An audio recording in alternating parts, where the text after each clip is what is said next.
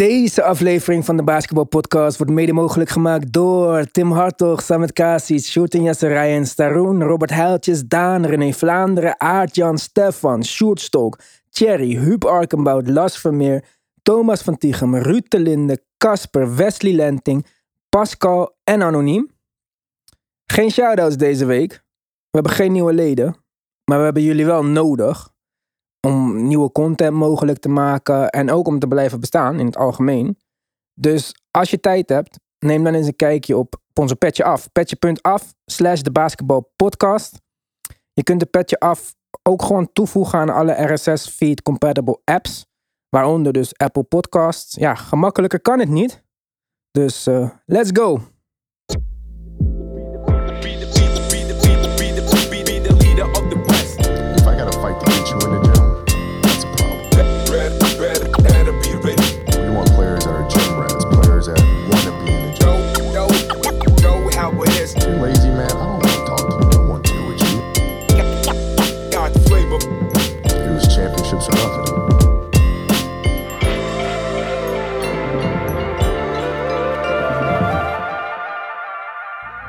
Tweede week op rij is Bol Bol betrokken in een trade. Denver, Boston en San Antonio hebben een three-way trade gemaakt. De Spurs krijgen Juancho Hernan Gomez en een second round pick. De Nuggets krijgen Brim Forbes en de Celtics PJ Dozier en Bol Bol dus. Denver krijgt daarmee wat broodnodige extra shooting. Boston bespaart wat geld door dichter bij het vermijden van de tekst te komen. En de Spurs, ja, wat diepte op de bank. Bobo is ondertussen wel geopereerd aan zijn voet. Zit tenminste 12 weken uit. PJ Dozier is out voor de season met een gescheurde kruisband. De Indiana Pacers zouden volgens bronnen de vraagprijs hebben bepaald voor Caris LeVert, twee first round picks of een jong talent in een first rounder. Miles Turner is overigens geblesseerd geraakt aan zijn voet. Hij wordt geherevalueerd in twee weken, maar ook hij werd al tijdig genoemd in trade rumors. Dit is alleen niet zijn eerste blessure. Hij heeft sinds het 2019-2020 seizoen maar in 23 wedstrijden meer dan Kristaps Porzingis gespeeld. Om het maar even in perspectief te zetten. En als je toch nog een center nodig hebt, is Montrezl Harrell misschien de moeite waard? Hij beschikt over een aflopend contract en is beschikbaar gemaakt voor een trade door de Wizards. Paul George, die in eerste instantie drie tot vier weken rust zou krijgen, krijgt er nu meer. De Clippers willen kijken of ze zijn elleboog kunnen helen zonder operatie. Nou, loopt niet zo lekker daar. Bij de Cavs loopt het wel lekker. En in ieder geval met hun big man. Van de 199 spelers die 100 plus schoten hebben gecontest binnen 6 feet van de basket, is Jared Allen de beste in de NBA. Hij verdedigt de tegenstanders zo goed in deze situatie dat ze gemiddeld 16,6% onder hun gemiddelde schieten tegen hem. Dat is niet mis. Matisse Tybal average 2,6 blocks per 100 possessions en leidt daarmee alle guards dit jaar. Maar hij bevindt zich ook met spelers als Michael Jordan in all-time elite gezelschap. Zijn teamgenoot Joel Embiid average de afgelopen 35 dagen bijna 32 punten, 10 rebounds en 11 free throw attempts. Hij is daarmee een van de meest unstoppable spelers in de NBA. En de Sixers zijn inmiddels nog maar 2,5 games verwijderd van de nummer 1 plek in het oosten. Miles Bridges had een career high, 38 punten. Natuurlijk tegen de Knicks. Want er is geen team in de NBA dit jaar die meer carrièremomenten heeft gefaciliteerd dan de ploeg uit New York. En de Westbrook memes die vliegen ook in het rond. Op Twitter, op Instagram. Het zit hem niet mee deze dagen. Van de 56 spelers die dit jaar 300 jumpers of meer hebben genomen, is Russell Westbrook de 52ste in efficiency. Hij heeft in totaal zelfs minder gemaakte jumpers, 111, dan turnovers, 187. Het gaat sowieso niet zo lekker in LA. Coach Vogels baan zou onder druk staan. En nummer 8 team in het Westen evalueert zijn prestaties vanaf nu per wedstrijd. Ja, daar moet je ook maar mee om kunnen gaan. Jaren Jackson ondertussen heeft 25 bloks in de laatste 6 wedstrijden en de Grizzlies hebben een top 10 defense. Toch komt hij niet voor op de Defensive Player of the Year ladder, wat bij Ja Morant weer vragen opriep. Hij tweette dan ook als reply op de ladder waar is JJJ? Jamoran zelf kwam in een opstootje terecht met Tony Bradley, waarna laatstgenoemde simpel werd opgetild en weggedragen als een klein kind door Steven Adams. Dit leverde veel grappige uitspraken op van NBA en ex-NBA-spelers. Isaiah Thomas noemde Adams by far de sterkste man in de NBA. En Jimmy Butler noemde zijn powers zelfs planeet Krypton-achtig. Minder sterk dan hem, de Warriors, verloren vier van hun laatste vijf wedstrijden en zijn ja, een beetje van hun stoom verloren in de afgelopen maand. Een lichtpuntje in de duisternis is misschien rookie Jonathan Kaminga, die in zijn laatste vier wedstrijden een efficiënte 17,8 punten en 6,7 rebounds averaged. En dan als afsluiter voor vandaag, Chandler Parsons. Hij heeft officieel zijn retirement aangekondigd. Ik wist persoonlijk niet dat hij nog niet retired was. Maar goed, het is altijd fijn om dingen te kunnen afsluiten. Ik zei in het nieuws al, de Sixers zijn 2,5 plekken verwijderd van de nummer 1 plek. In het oosten dan. Maar tegelijkertijd 3,5 plek verwijderd van het play-in toernooi missen. Kijk, en dat is een beetje kenmerkend voor het oosten op dit moment. De top 11 teams kunnen praktisch nog eerste worden of de play-offs missen. En dat terwijl we toch al over de helft van het seizoen zijn. Dat is waar we het in deze uitzending over gaan hebben. De wat mindere teams komen misschien aan bod in onze Petje Af uitzending. Mark is vandaag met mij. Tim zit in quarantaine. Nick is aan het basketballen. Nehis is aan het basketballen. Als een superman ingevlogen om ons uit de brand te helpen. Zijn tweede keer bij de basketbalpodcast, dat maakte hem gelijk vriend van de show. Frank Visraper, welkom weer. Dankjewel, Ivan. Goed, Frank, jij gaat ons helpen vandaag een beetje te kijken naar die Eastern Conference. Want het is maar toch spannend. Het is ongekend spannend. Dit heb, ik in ieder geval kan me dit niet herinneren dat er niet al een duidelijke ja, leider was. En nu zijn het er gewoon eigenlijk, nou ja, 11 is misschien iets wat overdreven. Ook al maakt, maakt de nummer 11, 10 nog kans. Maar het zijn er zes sowieso. Denk ik ook. Ja, en ik wil gewoon bovenaan beginnen. Meestal bouwen we het op. Maar bij de basketbalpodcast krijg je gewoon gelijk het beste als eerste. En ja, dan beginnen we bij de Chicago Bulls. Het leek er een tijdje op dat zij ongeveer het hotste team in de NBA waren. Ze namen de nummer 1 positie over van de Nets. De Nets waar we het natuurlijk zo over gaan hebben, maar ook die missen spelers. Chicago Bulls missen Zach Levine. Oké. Maar zelfs met Zach Levine hadden ze twee blowout losses. In de laatste 10 games zijn ze 5 en 5. Ze zijn bezig aan een 4 game loss streak. En voor de rest van het seizoen hebben ze het 9 na makkelijkste schema. Of het 20ste moeilijkste, hoe je het maar wil zeggen. Dus dat is niet bepaald zwaar. Maar zonder Le Zach Levine vraag ik me af of zij deze nummer 1 positie nog gaan vasthouden. En ik ben benieuwd wat jullie daarvan vinden. Want alleen Zach Levine missen zou niet genoeg moeten zijn om te presteren hoe ze doen de laatste tijd. Eén speler, een belangrijke speler, oké. Ik vraag me af, uh, moeten we dit oplossen? Moeten we dit oplossen met een trade misschien? Om een tijdelijke vervanger te zoeken? Is het niet zo erg? Wachten we gewoon tot vlak voor de All-Star Game als we Zach Levine terug verwachten? Maakt het uit of we eerste worden in de NBA? Zoals je net zeide, ze zijn, de verschil tussen 1 en 8 is zo klein. Dus zelfs als ze een beetje zakken, ze hebben nog steeds games in hands van alle andere teams, het meeste. Want ze hebben het meeste wedstrijden postponed. Dus ze hebben wel de ruimte. Als de Levine injury, de Lonzo met zijn knielast, wel door gaat blijven, dan denken ze dat ze moeten evalueren. Maar voorlopig denk ik dat ze nog aan de leiding kan blijven of dicht bij de leiding. Ja, zolang het close genoeg blijft, zeg maar. Ja, het, het, zijn natuurlijk niet alleen Zach Levine en Alonso Ball. Hè. Als ik nu naar de injury report kijk van dit moment, dan staan er zeven man op. Dat is, uh, Patrick Williams ook natuurlijk, die zal het hele seizoen misten. Alex Caruso, Ja, ook nog. Derek Jones. Ja, dus een trade is misschien sowieso een overhaaste beslissing. En als ze maar genoeg blijven winnen, dat ze in ieder geval niet buiten de range blijven van die top 1, 3. Denk ik dat een overhaaste beslissing ook niet nodig is. En ik denk zelfs dat het misschien verstandig is om Zach Levine te laten zitten tot een week voor de All-Star Game. Of als hij die All-Star Game niet zo belangrijk vindt, misschien na de All-Star Game. Hij heeft al sinds dat hij geopereerd is last van dezelfde knie. En nu heeft het hem dus zoveel pijn opgeleverd dat hij naar de kant moet. Nee, de blessure was natuurlijk, hij ging voor een rebound. Hij landde niet op iemands voet. Ja, Het was gewoon echt, hij was een van de meest bizarre knie-injuries die dat ik heb een tijdje gezien. Ging gewoon weglopen.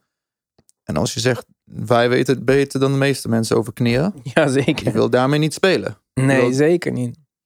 En daarom denk ik ook van ja, geef hem dan die extra rust. Je hebt nu laten zien dat het regular season is voor jou in ieder geval een piece of cake. Want als je het twintigste moeilijkste schema resterend hebt in het seizoen, betekent dat je in de eerste helft van het seizoen al een moeilijker schema hebt gehad. Precies. Dus daar heb je je doorheen geslagen met dit team. Mm, Oké, maar dan is de vraag eigenlijk nog steeds niet beantwoord. Hè? Kijk, het probleem is natuurlijk wel dat ehm, of je nu een trade moet maken of niet. Het probleem is, je, zegt het net al, het zit zo verschrikkelijk dicht bij elkaar. Ze hebben er nu vier op rij verloren. Ja. Hè? Eh, stel dat ze nog eens een keer vier op rij verliezen. Straks sta je ineens eh, in, in, in het play-in plaatje. Dat kan zomaar ja, gebeuren. Dat kan, kan heel ook. snel gebeuren. Ja, dat kan ook, ja. En ik moet wel wel... Kijk, als we praten over dat ze kampioenen kunnen worden of echt ver kunnen gaan. Zelfs tegen de top, top 8 in de East zijn ze 5 en 6. Dus het is niet alsof ze met deze team echt ver zijn. Nee, ik- natuurlijk zijn er een paar rare wedstrijden daar tussendoor. Maar ze doen het tegen de kleinere teams vooral. Niet tegen de top 8 van de, van de Oost. Ja, dat is ook een goed punt. Misschien moeten ze ook geen trade maken om een Levine te vervangen. Maar misschien moeten ze toch gaan kijken naar die grotere wing die ze kunnen gebruiken, ook verdedigend. Jeremy Grant natuurlijk de eeuwige naam op de trademarkt wat dat betreft. Maar ja, is die zo haalbaar? Helemaal nu elf teams in het oosten erin geloven dat ze nog de playoffs kunnen maken. Dan gaan die prijzen ook omhoog natuurlijk. Dus Atlanta heeft het al opgegeven, begrijp ik. Nou ja, we kunnen Atlanta zo bespreken. Maar Atlanta is Mhm. toch wel een Hmm. negen wedstrijden achter eh, de nummer één positie. Ja, dat Negen en een half zelfs. zit in een duikvlucht. Hè? Ja, maar ze kunnen de play inhalen. Dat, dat kan altijd. Maar als je kijkt dat Atlanta 18 wedstrijden gewonnen heeft. New York 22. En Boston alweer 23. En Toronto dan 21, maar met minder wedstrijden gespeeld. Mhm. Ja, het, het wordt niet super makkelijk. Zeker niet onhaalbaar. En Atlanta heeft vorig jaar in de laatste fase van het seizoen ook een spurt gemaakt. Maar Cam Reddish trade was wel een teken ook van wat komen gaat. Daar gaan moves gebeuren. En gaan die moves gebeuren met ja, de blik op dit seizoen? Of is het zoiets van, oké, dit jaar werkt het niet. Laten we al onze pieces verkopen. En niet alles als in comple- complete sale. Maar wel, als in misschien moeten we gaan kijken naar pieces voor volgend jaar. Of aankomende free agency. Misschien denken ze wel aan een Trae Young Bradley Beal paring. En wachten we daarop. Maar goed, Atlanta komt aan bod in het Ja. petje af. Ja, Atlanta nee, fans, precies. Ik wou net zeggen. ja, laten we gewoon dan verder gaan met een nummer 2. Want daar ziet het er al iets positiever uit. In ieder geval in de laatste weken. Nou ja, winstreak van win 1 is natuurlijk niet zo indrukwekkend. Ze zijn wel 7 en 3 in de laatste 10 wedstrijden. Dan heb ik het natuurlijk over de Miami Heat. 18, 28 wedstrijden gewonnen, 16 wedstrijden verloren. En eigenlijk sneaky gewoon naar die nummer 2 plek gestegen. Want wij keken het hele jaar naar de Nets en naar de Bulls. En iedereen had maar over Miami en ja, dat komt nog wel, playoff team, dit, dat. Maar ja, qua strength of schedule zijn ze vijftiende. Dus of je het nou eh, van voren bekijkt of van 18, het hangt een beetje in het midden. Ze hebben in het eerste gedeelte van het seizoen veel spelers gemist. Een team met als volgens mij tweede team qua spelers gemist, qua minuten gemist. En ja, Tyler Hero heeft zich ontpopt als Six Man of the Year Mhm. leading man voor die categorie, denk ik. En van al die andere spelers weet je wel dat ze het gaan brengen. Jimmy Butler, Kyle Lowry, Adebayo, PJ Tucker. Heeft, en en zo Max Truss ook ineens. Hè? Die, Vergeet dat soort ja, jongens dit ook zijn die extraatjes waar je niet eens op had gerekend. Ja. En dat, Max Truss is misschien de... Als er een nieuwe categorie komt van spelers die zich ontpopt hebben van een 10-day hardship eh, contract. Dan zou hij misschien op nummer 1 staan in die categorie. En dat is wel ja, een mooie ontwikkeling. Als Duncan Robinson weer gaat schieten zoals hij Ja. eh, betaald krijgt. Dan zou dat nog mooier zijn. En van de bank, hè? Nu heb je echt iemand van de bank. Dat is Exact. belangrijk. Stroes begint als een eh, starting Ja. player. In plaats van, net zoals hoe Duncan Robinson is begonnen. Toen de blessures waren, is hij binnengekomen. Hij heeft zijn- de plek, eh, ja, hij heeft gezorgd dat hij altijd ging starten.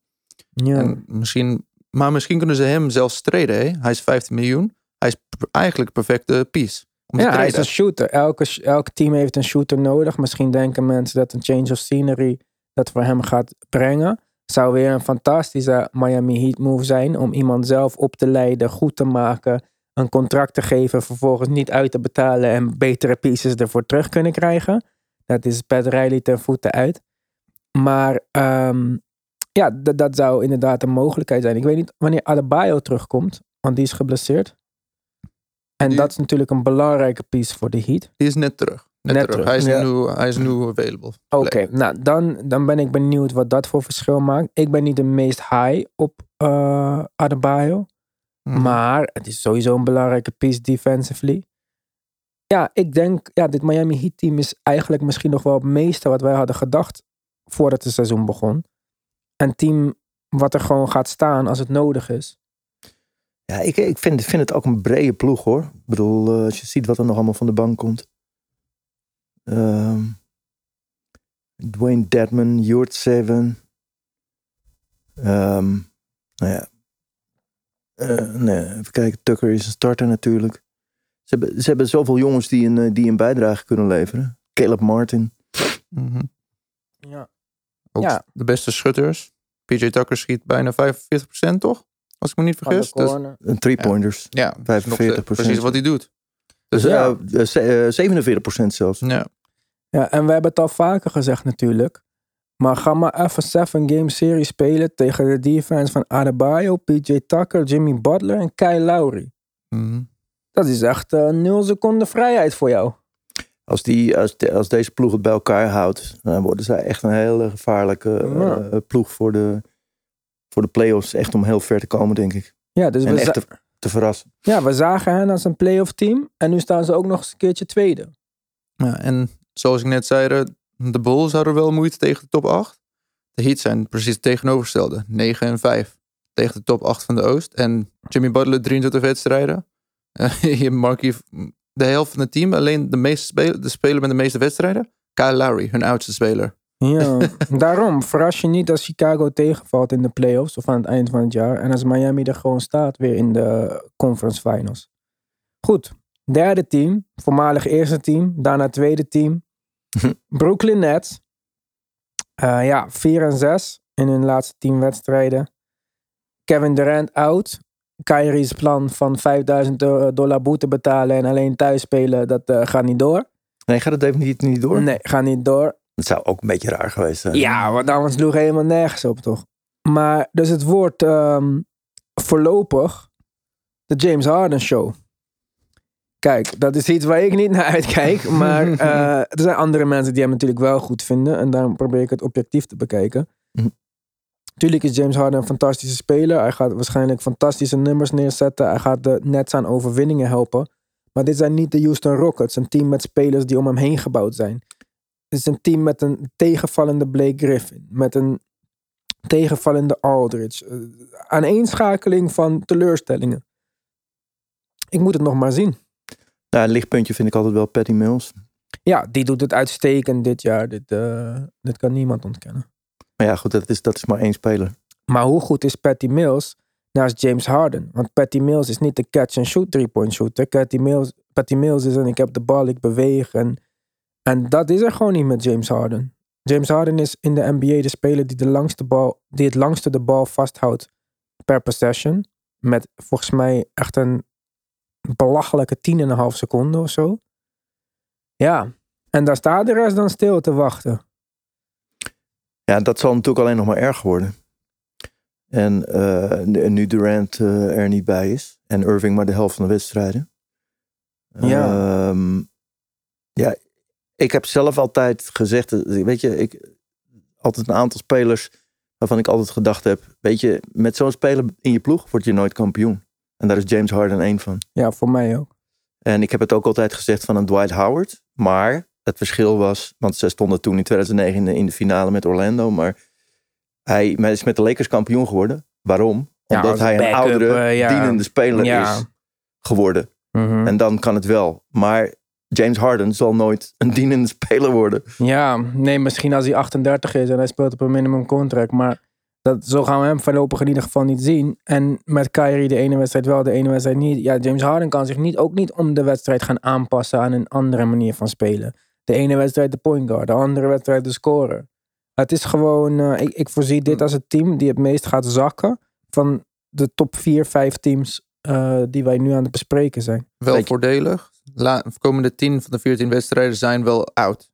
Dus Kyrie Oh, zal er vaker zijn. Dus dat is wel voordelig. Ja, kunnen ze een beetje een ritme Ja, krijgen. het is niet perfect. Maar als het om de twee wedstrijden is, kan het op zich wel. Ze hebben wel het zesde moeilijkste schema in de NBA voor de rest van dit seizoen. Zonder hun beste speler. En, en wat is het, eh, de verwachting voor de terugkeer van Kevin Durant? Weten jullie dat? Dat heb ik eh, vorige keer gemeld, maar niet onthouden. Volgens mij is Hm. Kevin Durant sowieso out tot na de All-Star Game. Ja, vier tot zes weken minimaal. En als we Kevin Durant kennen, sowieso dicht bij de zes weken. Oké. Ja. We gaan geen risico's nemen met... eh Ook nergens voor nodig natuurlijk. Precies. Hij is niet een ego die nog een All-Star Game moet spelen of zo. nee, precies. Oh, het is niet zijn eerste keer. Hij kan dit worden wanneer hij, wanneer hij het wil. Hij heeft geen bonus om dat te halen. Dus dit, dit is niet relevant eh, voor hem. precies. Dus ja, voor de Nets-fans eh, voorzie ik niet een eh, fijne komende weken. Gaan we door met nummer 4 team. Een van de leukste teams. Mijn bandwagon team. Ik ben eh, helemaal achterop gesprongen, vastgeklampt. En eh, ik laat voorlopig niet meer los. Met 27 gewonnen wedstrijden, 18 verloren. En een win-loss 7-3 in de laatste 10 wedstrijden. Winstreak van 5 games. Hun twee startende point guards zijn geblesseerd geraakt. Ze hebben het meeste spelers moeten missen door het health and safety protocol. Zijn de Cleveland Cavaliers. Ze spelen drie seven-footers als small forward, power forward en center. Ik had hier niks van verwacht. En ze doen het gewoon weer goed.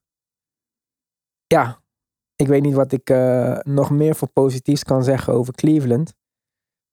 Dus dit is voor mij het team waarvan ik had gehoopt dat ze zouden treden voor Ben Simmons. Of in ieder geval een grotere move zouden maken dan Rondo om het, om, ja, het probleem op point guard te vervangen. Want Rubio geblesseerd, Sexton geblesseerd. Garland breakout season doet het natuurlijk fantastisch, maar is geen pure point guard, geen pure spelverdediger, spelverdeler. Kevin Love, six man of the year kandidaat voor mij als hij speelt. En als kers op de taart heeft Cleveland het makkelijkst resterende schema in de NBA.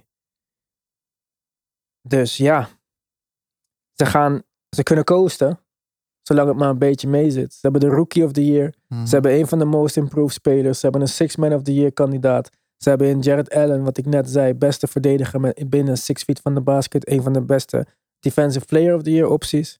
Ze, ze hebben spontaan, zonder dat iemand, in ieder geval ik het ooit zag aankomen, Mhm. een uitgebalanceerd team gecreëerd. En wat is de achterstand op eh, Chicago en Miami? Anderhalve wedstrijd. Ja. Met het makkelijkst resterende schema. En het fitste team voor wat ze de laatste tijd dan in ieder geval mee spelen. Dus ja, ik voorzie dat Cleveland niet teleur gaat stellen. Ze zijn Hm. ook gewoon bezig aan een 5-game win streak. Ze zijn Ja. 7 en 3 in hun laatste 10 wedstrijden. Het is niet, je verwacht elke keer dat ze tegen een muur aanlopen en dat ze iets van een slowdown eh, periode krijgen. Maar ja, dat is hem gewoon nog niet geworden. Hoogste, eh, hoe noem je dat? De hoogste difference, eh, hoogste doelsaldo in differential, eh, ja. points differential. Plus 5.1 van de hele Eastern Conference. Ja, zij zijn. Als, ja, kijk, ik wil niet altijd elke uitzending 27 keer over Ben Simmons beginnen. Maar met zijn verdedigende krachten en zijn playmaking zijn ze, wat mij betreft, een, eh, echt een eh, finals contender. Maar Hm. bij elke ploeg waar je het over hebt, kun je, kun je over Ben Simmons beginnen natuurlijk. Hè? Ja, niet echt. Als we Ben Simmons. Ik vind bijvoorbeeld Ben Simmons bij Boston niet echt ga- eh, goed. Ik Nee, vind Oké, Ben geen Simmons- 30 ploegen, maar Ja, wel heel veel. Ja, kijk, Ben Simmons in plaats van James Harden. Je hebt ook een probleem opgelost bij de, bij de Nets.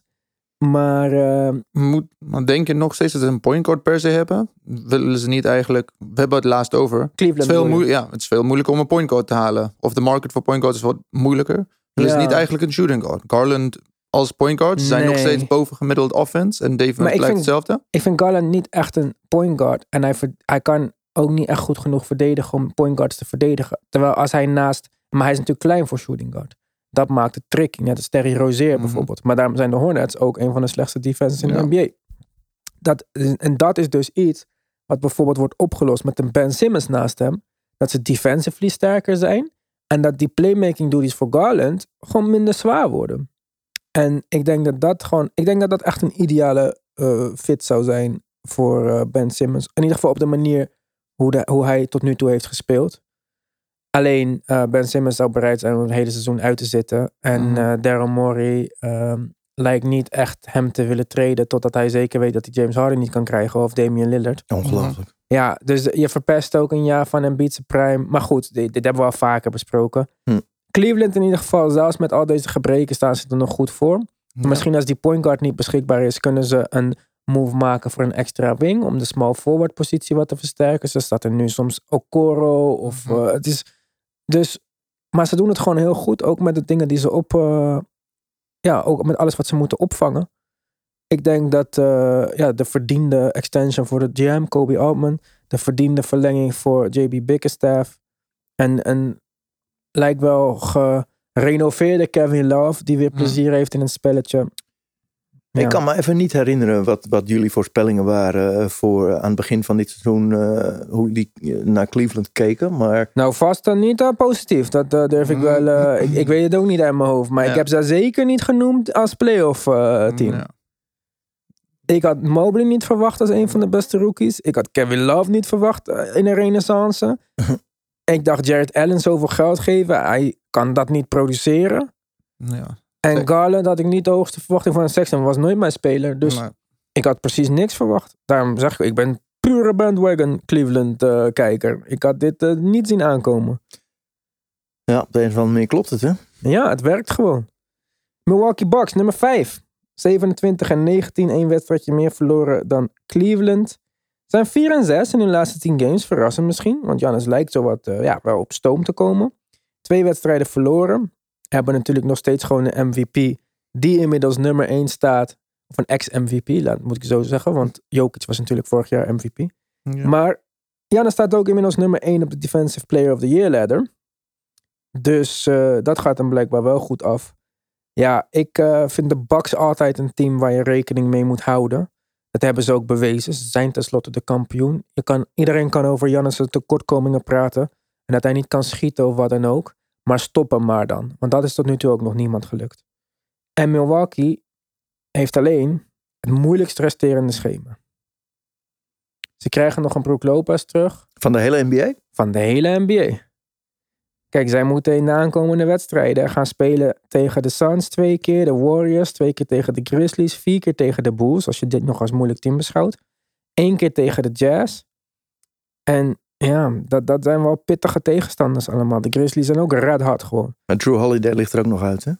Ja, en Middleton is eh, kwakkelend af en toe. Maar die komt waarschijnlijk wel snel weer terug. Die is, Ja, dit zijn eh, kleine blessures. In ieder geval niet eh chronisch. is Ja, die komt ook nog terug. Dus het, er is geen man overboord. En zoals ik al zei, ze hebben wel een systeem en ze hebben wel gewoon een organisatie.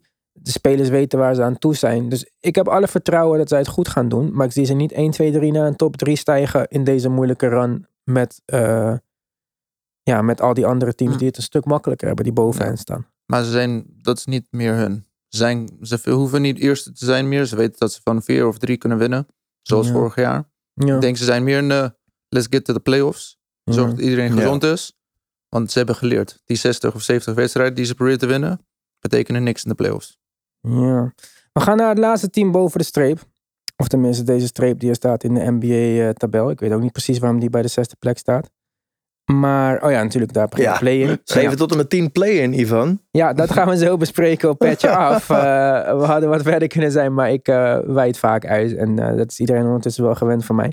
Het zijn de Sixers. Ja, zoals ik al in de intro zei. En ook weer aan het begin van dit stuk. 2,5 games achter de nummer 1 plek. Maar ook 3,5 achteruit de play-in zijn. En Beat is op stoom. Hij averaged belachelijke nummers. Hij averaged ook de meeste free throws. Er zijn 8 en 2 in de laatste 10 wedstrijden. En Beat ook al gezegd, we hoeven niks te veranderen. We zijn goed op de manier wie we zijn. En dat kan hij zeggen met een max-speler die het hele seizoen niet heeft gespeeld. Dus ja, eh, chapeau naar Embiid, naar eh, misschien Doc Rivers, als die iets heeft gedaan. Maar ja, het loopt bij de Sixers. Ze hebben natuurlijk dit grote vraagteken ergens achter de hand. Het lijkt er niet op alsof hier beweging in komt. Ik kan me dit niet voorstellen. Ik kan me niet voorstellen dat jij in een prime Embiid jaar, waarin jij iedereen ziet dat hij nu in de beste shape van zijn carrière is. En dat je gewoon gaat zeggen, we bekijken het wel in de zomer. Nee, dat gaat niet gebeuren. Ik denk dat ze, dat, ik denk dat ze zo lang mogelijk wachten. Hm. En dat er eh, eh, om, eh, Vijf voor twaalf. eh, net drie, drie, drie minuten voor twaalf, Ja. dat er een, een trade gemaakt wordt. Desnoods voor meerdere pieces. ja, dat zou ook prima zijn. Wij hebben het wel eens gehad over een trade voor bijvoorbeeld Buddy. Als ze ook nog Tobias Harris weg willen doen. Dan kan je Tobias Harris en Ben Simmons traden voor Buddy Hield, Harrison Barnes en De'Aaron Fox. Lijkt mij een uitstekend pakket wat je, terug kan, wat je erbij kan krijgen voor een speler die niet speelt en eentje die onderpresteert. Maar ja, ik, ik, ja ik, ik hoop dat ze een move gaan maken. Niet omdat ik Philly wil kijken of omdat ik Philly fan ben, maar omdat ik het gewoon wil zien, de NBA op volle kracht. Maar wat moet je in godsnaam met een, een, een, een trade voor een andere All-Star player? Ga gewoon een paar, een stuk of drie, vier eh, eh, fantastische eh, pieces aan je ploeg toevoegen. Waarmee Ja. je een echte kampioensploeg kunt worden. Kan je je voorstellen, dan start De'Aaron Fox met Seth Curry, Buddy Hield en eh, Harrison Barnes. Dan heb je op de 4, 3 en 2 40% drie-point shooters om Embiid heen. Dat lijkt mij ideaal.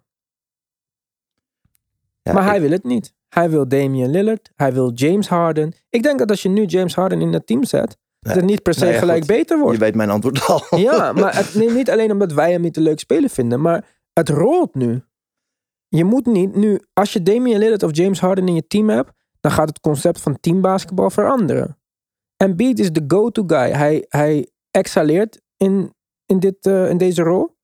Tobias Harris zonder Ben Simmons zou je denken, meer schoten, meer de bal, is juist gezakt. Dus dit is Embiid's team. We moeten pieces vinden om aan te vullen. Ja, maar ik, ik bedoel, ik had wel een stukje onderzoek kunnen doen. Dat heb ik niet gedaan. Maar ik ben toch wel benieuwd, zeg maar, hoeveel ploegen ooit in de NBA kampioen geworden zijn.